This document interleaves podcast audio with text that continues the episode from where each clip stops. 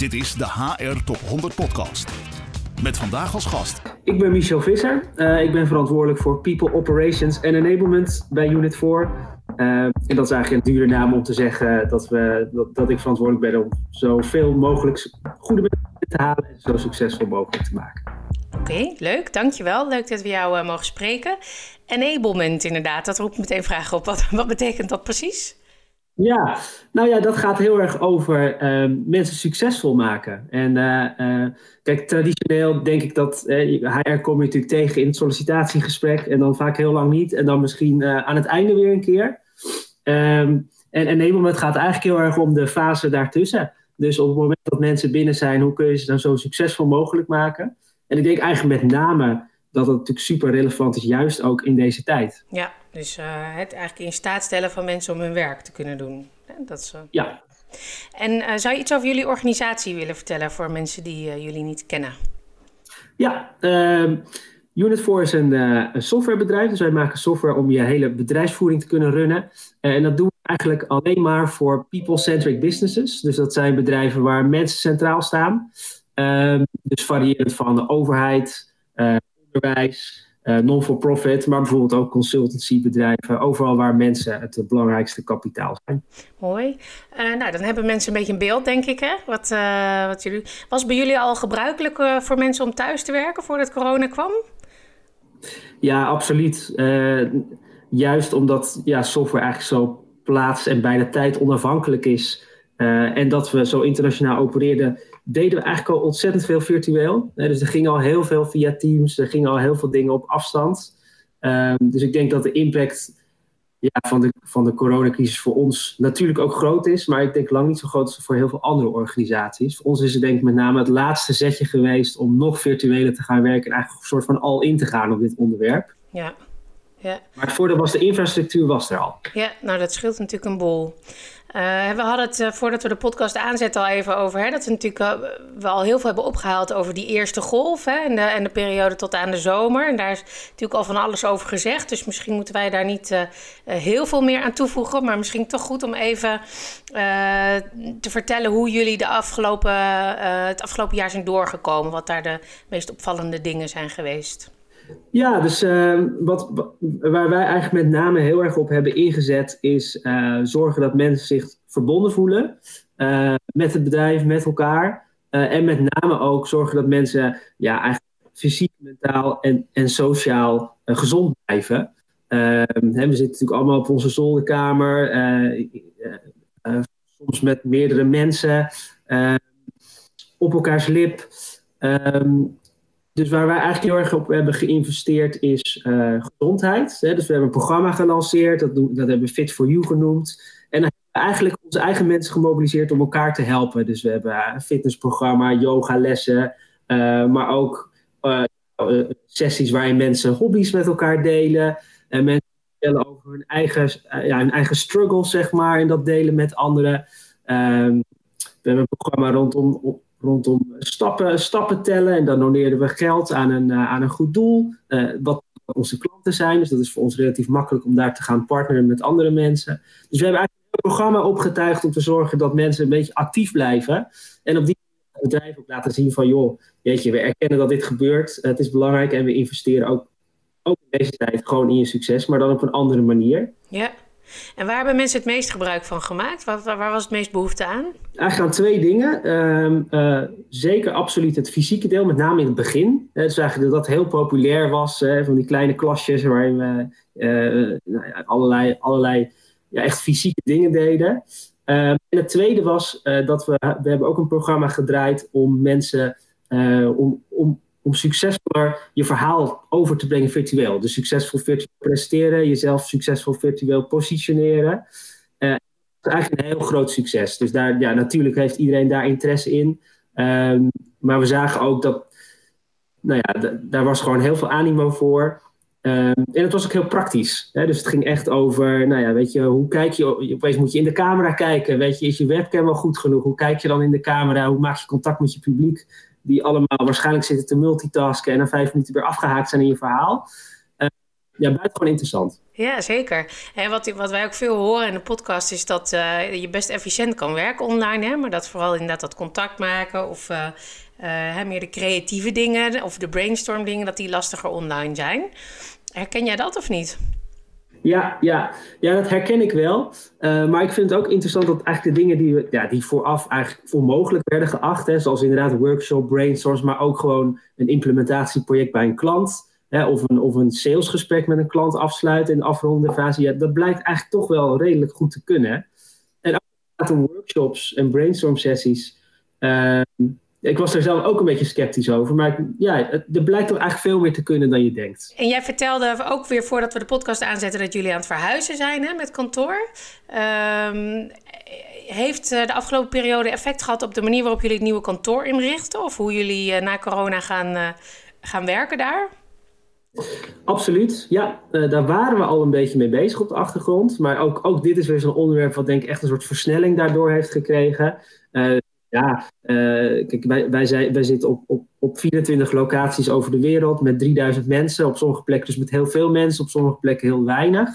Uh, dus we zijn echt aan het kijken, joh, kunnen we, kunnen we uh, ja, locaties samenvoegen? Hebben we echt zo'n kantoor nodig? kunnen we ook gebruik maken van flexplekken op andere plekken? Um, dus, dus absoluut, onze kantoren worden kleiner. maar we gaan daarnaast ook investeren in hubs. Hè? Dus we gaan ook investeren in als je dan samen bent. Uh, dat moet echt een mooie ervaring zijn. Dus dan, we, we gaan ook experience centers bouwen voor onze klanten, maar ook voor onze medewerkers. Uh, die niet bedoeld zijn om om negen uur te gaan zitten, je e-mail weg te werken en om vijf uur weer naar huis te gaan. Nee, dus die zijn echt voor ontmoetingen en inspiratie, als ik jou zo hoor. Ja. Ja, ja. En komt er dan een richtlijn vanuit het hoofdkantoor, zeg maar, hè, over wat je thuis doet en wat je uh, op kantoor doet? Of hoe ziet dat eruit? Nou, ons model is, uh, is eigenlijk heel erg gebaseerd op eigen verantwoordelijkheid uh, en, vrijheid. Dus wat wij eerder dit jaar ook hebben gedaan, is we hebben uh, iedereen, we hebben eigenlijk het hele vakantiesaldo verhaal afgeschaft. Hè? Dus iedereen mag gewoon op vakantie gaan als het, als het werken toelaat en als je vindt dat je het verdiend hebt en als je er zin in hebt en als je het nodig hebt. en gedachten voortbouwend zeggen we eigenlijk ook, joh, ja, als je naar kantoor moet komen, kom naar kantoor. Maar als het niet nodig is, kom vooral niet. En we hebben vooral nu gezien dat het heel vaak ook niet nodig is. Dus mijn verwachting is eigenlijk dat mensen nou, misschien maximaal twee dagen per week nog op kantoor komen om samen te komen, om alsnog die, brain, die, die brainstorm sessie te houden. Um, maar niet meer om de e-mails weg te werken. Dus uh, ik denk dat dat echt fundamenteel veranderd is. Ja, en als mensen dat nou wel gaan doen, eh, mag, mag dat dan? Als iemand zegt, nou ik zit gewoon toch het lekkerst uh, op kantoor te werken en mijn e-mail weg te werken. Ja, natuurlijk. Ja, absoluut. En, en we zorgen ook dat kantoor daar ook voor ingericht zijn. Uh, maar wat we eigenlijk zien, hebben we, nou, we hebben natuurlijk ook heel veel pulses gedaan bij onze mensen, hoe mensen erin zijn, ook naar de toekomst toe kijken. Dan zien we dat er echt veel minder, ja, eigenlijk, eigenlijk veel minder appetite is om weer vijf dagen per week op kantoor te zitten dan dat het vroeger was. Dus onze verwachting is wel dat het fundamenteel anders is. Maar de mensen ja, natuurlijk, daar, daar is nog steeds ruimte en mogelijkheid. Ja, en uh, als je kijkt naar die, uh, die vrijheid die je neemt, hè, ik hoor sommige mensen zeggen van het moet ultieme vrijheid zijn. Hè, dus iedereen moet zijn eigen agenda kunnen bepalen zoals hij dat uh, wil. En dan hoor ik andere mensen zeggen, ja, dat gaat niet, hè, want dat, dat, je moet toch iets van een ritme hebben in bezetting op kantoor. En je moet, iets, je moet weten wanneer je met je team bent. Hè, dus want ja, eh, als de helft op kantoor zit van het team en de andere helft virtueel, wordt dat toch ingewikkeld. dus je moet met je team afspraken maken over wanneer je er bent. Hoe, hoe zie jij dat? Ja, nou ja, ehm, kijk, wij werken eigenlijk al heel erg in teams die virtueel zijn, die over verschillende plekken verspreid zijn. Ehm, dus echt met elkaar fysiek bij elkaar komen als, als collectief, dat is eigenlijk al heel lastig. Hè? Dus dat doen we eigenlijk al virtueel. Dus dat zijn we eigenlijk al gewend. En we zien eigenlijk dat het heel goed gaat we, ondersteunen mensen wel. En we geven wel aan van, joh, als je, als je bij elkaar wil komen. Uh, we, hebben, een app gebouwd, dus je kan precies zien wie nu wanneer op kantoor komt. Hè, dus dan kan je ook kiezen, nou ja, dan ga ik ook. Uh, dus we zien ook heel veel waarde van het samenkomen. Maar ik denk dat de coronacrisis ons heeft geleerd dat dat eigenlijk echt niet meer nodig is. Weet je, het is ik vind het bijna een oude gedachte. Oké, mooi. Nou, ik ben benieuwd hoe zich dat gaat ontwikkelen in de toekomst. En um, we zitten nu uh, begin december uh, dat we deze opname doen. Wat is op dit moment jouw, uh, wat beheerst jouw agenda? Wat, wat is jouw grootste kopzorg? Nou, dat is, ja, dat is een hele interessante vraag. Want dat, dat gaat eigenlijk even terug op de vraag die je net stelde. En dat is eigenlijk in controle zijn over je eigen agenda. Dus wat we eigenlijk zien is dat, nou ja, heel lang, eigenlijk in de afgelopen maanden, zijn al die teamsmeetings een beetje gaan samenklonteren. Die hele dagen zitten vol met bijeenkomsten waar je van de ene call naar de andere call wordt getrokken. Ik denk dat het voor heel veel mensen herkenbaar is. Maar dat is eigenlijk onze grootste zorg. Hè? Dus hoe zorgen we nou dat mensen daar ook weer, dat mensen daar ook uit kunnen, willen en mogen stappen. Uh, en dus zeggen nee, of ja, moet, die, moet deze afspraak echt een uur duren? Of waarom zit ik hierbij? Als, als je toch al de hele meeting, uh, camera uit, microfoon uit, je e-mail zit te doen, weet je, waarom ben je er dan bij? Uh, dus eigenlijk mensen toch, die, toch proberen die ruimte weer te, te bieden om nee te zeggen en meer in controle te komen van hun agenda. Dat is eigenlijk onze grootste zorg op dit moment. Ja, ja dat is wel herkenbaar inderdaad. Hè? Dus er zijn steeds meer meetings gekomen. Dat zie ik ook uh, in mijn eigen agenda. En hoe kun je mensen helpen om daar uh, de goede keuze in te maken? Nou, wat we bijvoorbeeld nu proberen te doen is... Uh, ja, we hebben geprobeerd wat ja, richtlijnen, of dat is misschien te zwaar, meer wat tips op te stellen. Hè? Van joh, nou ja, zo'n meeting moet het maar een uur duren, kan het niet drie kwartier. weet je, als er geen agenda is, mag je best zeggen ik kom niet is het echt nodig om twee mensen van dezelfde afdeling in eenzelfde overleg te hebben? Uh, eigenlijk dingen die in de, in de offline wereld natuurlijk net zo, net zo net waar zijn. Maar wat we in ieder geval proberen is die, ja, die richtlijnen weer een beetje onder aandacht te brengen, mensen bewuster van te maken. Is dat nou echt nodig? En op die ook een soort kader te geven om nee te durven zeggen. dat is één ding. Uh, wat we ook hebben geïntroduceerd is een, uh, is een I-day, dus een dagje voor jezelf. Hè, dus uh, we proberen mensen ook echt te dwingen om gewoon een dagje uit te checken. Uh, zonder dat je op vakantie gaat of zonder dat je plannen hebt. Ja, neem gewoon een I-day. We zijn aan het kijken, kunnen we nou no-meeting days invoeren? centraal. En daar balanceren we eigenlijk een beetje op joh, de dingen die we. Want eigenlijk willen we niet te veel centraal voorschrijven, maar we zien ook dat, dat, we, dat, we som, dat mensen soms ook geholpen moeten worden. Dus je, eh, wat je eigenlijk doet, is je legt een norm neer. Hè? Je, ge, je geeft ruimte voor mensen om nee te zeggen. Hè? Dus, dus, en, en daarnaast wil je ze dan ook een, uh, een handvat geven. Hoe ze dat dan kunnen invullen. Precies, ja. Want het is lastig om nee te zeggen. Als je ergens voor wordt uitgenodigd, van joh, kom hier eens bij zitten. Of kom, sluit je hier eens bij aan. Denk je, of, ja, dat is best wel een, een drempel. heb ik zelf ook. Dus best lastig. Ja, nee, maar ik kan me wel voorstellen dat het helpt als er hè, vanuit, uh, vanuit de directie wordt gezegd van hè, zeg vooral nee. dan, dat, hè, dan voel je natuurlijk wel sneller de ruimte om dat te doen. Uh, of in ieder geval kritisch te evalueren elke keer van oké, okay, is dit nodig dat ik hierbij zit? Ja, ja, ja absoluut. Ja. En, en, en dat is één. En de tweede, uh, wat, wat mijn agenda bezighoudt, is uh, ja, eigenlijk de, wat je nu ziet de afgelopen maanden, is natuurlijk dat de kracht van het informele is een beetje, dat is eigenlijk weg. Hè? Alle afspraken die je hebt zijn eigenlijk heel functioneel. Uh, maar dat hele informele netwerk wat door bedrijven heen loopt, wat in, essentie eigenlijk heel effectief kan zijn, om dingen gedaan te krijgen, om, om innovatie, te, innovatie te versnellen. Uh, dat verdwijnt zeker naarmate de maanden vorderen. Mensen vertrekken, er komen nieuwe mensen in het bedrijf die je nog nooit hebt gezien. Dus het creëren van informele netwerken, dat is eigenlijk de tweede zorg. Hoe zorgen we nou dat die netwerken blijven bestaan en zich blijven doorontwikkelen? En uh, heel eerlijk gezegd hebben we daar het antwoord echt nog niet op gevonden. Uh, echt super moeilijk. Ja, en, in, en wat zijn oplossingsrichtingen? Want je bent natuurlijk wel aan het verkennen. Waar moet je dan denken? Ja, dus we proberen wel communities te maken. Hè? Dus alle mensen die de afgelopen maanden zijn. We, hebben afgelopen maand, afgelopen coronaperiode, hebben we in totaal 400 mensen aangenomen. Dus die 400 mensen zijn, we, hebben we bij elkaar gebracht. Daar proberen we dan onder begeleiding ook een soort community van te creëren. Dat daar wel een soort informeel netwerk ontstaat. Uh, we proberen, we gaan straks met kerst gaan we een virtueel kerstfeest geven. Dan gaan we teams door elkaar husselen, gaan we een soort spellen spelen. Dus we gaan proberen, en we zijn natuurlijk softwarebedrijf, dus met elkaar gamen. Dat vind, dat, nou ja, daar, is natuurlijk best wel een soort appetite voor, dus dat is leuk. Dus we eigenlijk via het informele, ja, we, pro we, proberen wel dingetjes. Ja, ja, en dan dus niet functie-inhoudelijk uh, te matchen, maar gewoon meer op, uh, op andere kenmerken, zodat je wat, uh, wat diverser samenstelling krijgt.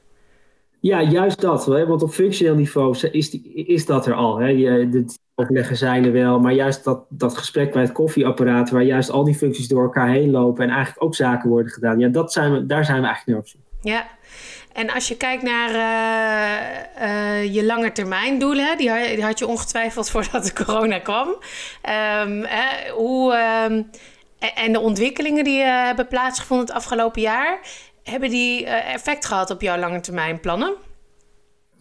Ja, ik denk dat, uh, uh, dat veel dingen eigenlijk versneld zijn. Hè? Dus ons, uh, onze overstijgende ambitie was om unit, is om Unit voor uh, echt een 100% people-centric business te maken, zoals wij dat zeggen, zoals heel veel bedrijven dat zeggen. Um, maar wij proberen dat echt ook te doen. En dat mensen dat ook echt voelen. En daar hebben we heel veel initiatief voor. We hadden het net over die vrijheid van vakantiedagen. Dat is natuurlijk een heel tastbaar iets. Um, maar we, hebben, we, we, ook, we willen ook heel veel investeren in het succes van mensen. In de vorm van allerlei ontwikkelprogramma's. Uh, dus de inhoud is misschien veranderd. Hè? Dus we hebben het nu opeens over virtueel succesvol zijn. Virtueel presenteren. Uh, maar de richting is nog steeds hetzelfde. Uh, dus het gaat nog steeds om mensen succesvol maken. Dus ik denk dat het vooral in ons geval heeft het denk ik vooral een soort uh, een extra zet nog gegeven aan wat we aan het doen zijn. En nog andere dingen die we nog niet besproken hebben? Die leuk zijn om te delen? Nou, wat misschien ook leuk is, is dat we uh, de afgelopen periode verschillende mensen hebben geplaatst in andere rollen. Dus er zijn natuurlijk, uh, nou ja, als je nu in, als ik over mijn eigen team praat, als je nu, als je de afgelopen periode in recruitment hebt gezeten, heb je waarschijnlijk minder druk gehad. Uh, zo zijn er meer rollen die erg gericht waren natuurlijk op fysiek, fysieke interactie of meebeweegt met, nou ja, laten we zeggen, met de, met, de economische tendensen. En die hebben we opnieuw geplaatst in andere rollen. Um, en wat interessant voor me uit te lichten is eigenlijk dat het heel erg de wendbaarheid van mensen laat zien. Uh, en dat, dat, dat zijn ook dingen die tot voor kort waarschijnlijk onmogelijk werden geacht. Hè? Goh, je kan, hoe, kun je nou een recruiter uh, opeens klanten laten gaan bellen en met klanten gaan praten over nou ja, commerciële kansen? Nou, we hebben het gedaan en het is eigenlijk best wel goed gegaan. En uh, voor beide partijen. recruiters hebben wat geleerd. Unit 4 is er blij mee geweest. En uiteindelijk zijn de mensen weer teruggeplaatst. Uh, maar het voordeel is dat we in deze periode van niemand afscheid hebben hoeven te nemen. Dat was ook echt een van onze uitgangspunten. Ook weer vanuit people-centric gedachte. Uh, gewoon mensen dan maar even tijdelijk op een andere rol zetten. Uh, mensen leren er wat van. wij worden er ook beter van. Dus dat is, dat is helemaal prima. Ja, leuk. Nou, kan me voorstellen dat je ook gewoon meer um, begrip krijgt voor wat de organisatie doet. Hè? Dus misschien is het wel... zou iedere recruiter ja, dat moeten doen? even, ja. ja, ja, ja. Ja, precies. Maar dat is ook weer zo'n voorbeeld waar je dus eigenlijk weer heel veel van kan leren. Want zo'n recruiter gaat opeens onze software verkopen en moet dan veel beter begrijpen hoe onze software in elkaar zit. Wat weer heel handig is als je straks weer software engineers gaat werven. Dus allerlei kansen op. Ja, is, is dat ook iets wat je wil uh, blijven doen na, hierna? Ja, ja, ja. Ja, ja, absoluut. Ja, ja, dus we zijn eigenlijk nu, een van onze ambities aan het einde van het jaar is eigenlijk om een, om een lijst te maken van, nou, wat zijn eigenlijk alle dingen die we hebben geleerd en waar we positief op terugkijken en hoe kunnen we dat nou straks als alle rolluiken weer open gaan, hoe kunnen we dat dan alsnog uh, proberen vast te houden? Ja, ja, leuk. Nou, ik ben benieuwd. Ik kan me voorstellen dat dit er een is die daarop blijft, uh, inderdaad. Ja, leuk. Um, ja, volgens mij hebben we best veel besproken. Is er nog iets wat we niet uh, geraakt hebben? Nee, volgens mij goed zo. Dit was wat ik zo wilde vertellen, dus uh, leuk. Ja. Nou, volgens mij veel dingen genoemd waar mensen hun voordeel bij kunnen doen. Dus heel erg bedankt voor het delen van je ervaring en kennis. Graag gedaan. Ja, leuk te doen. Dit is de HR Top 100 Podcast.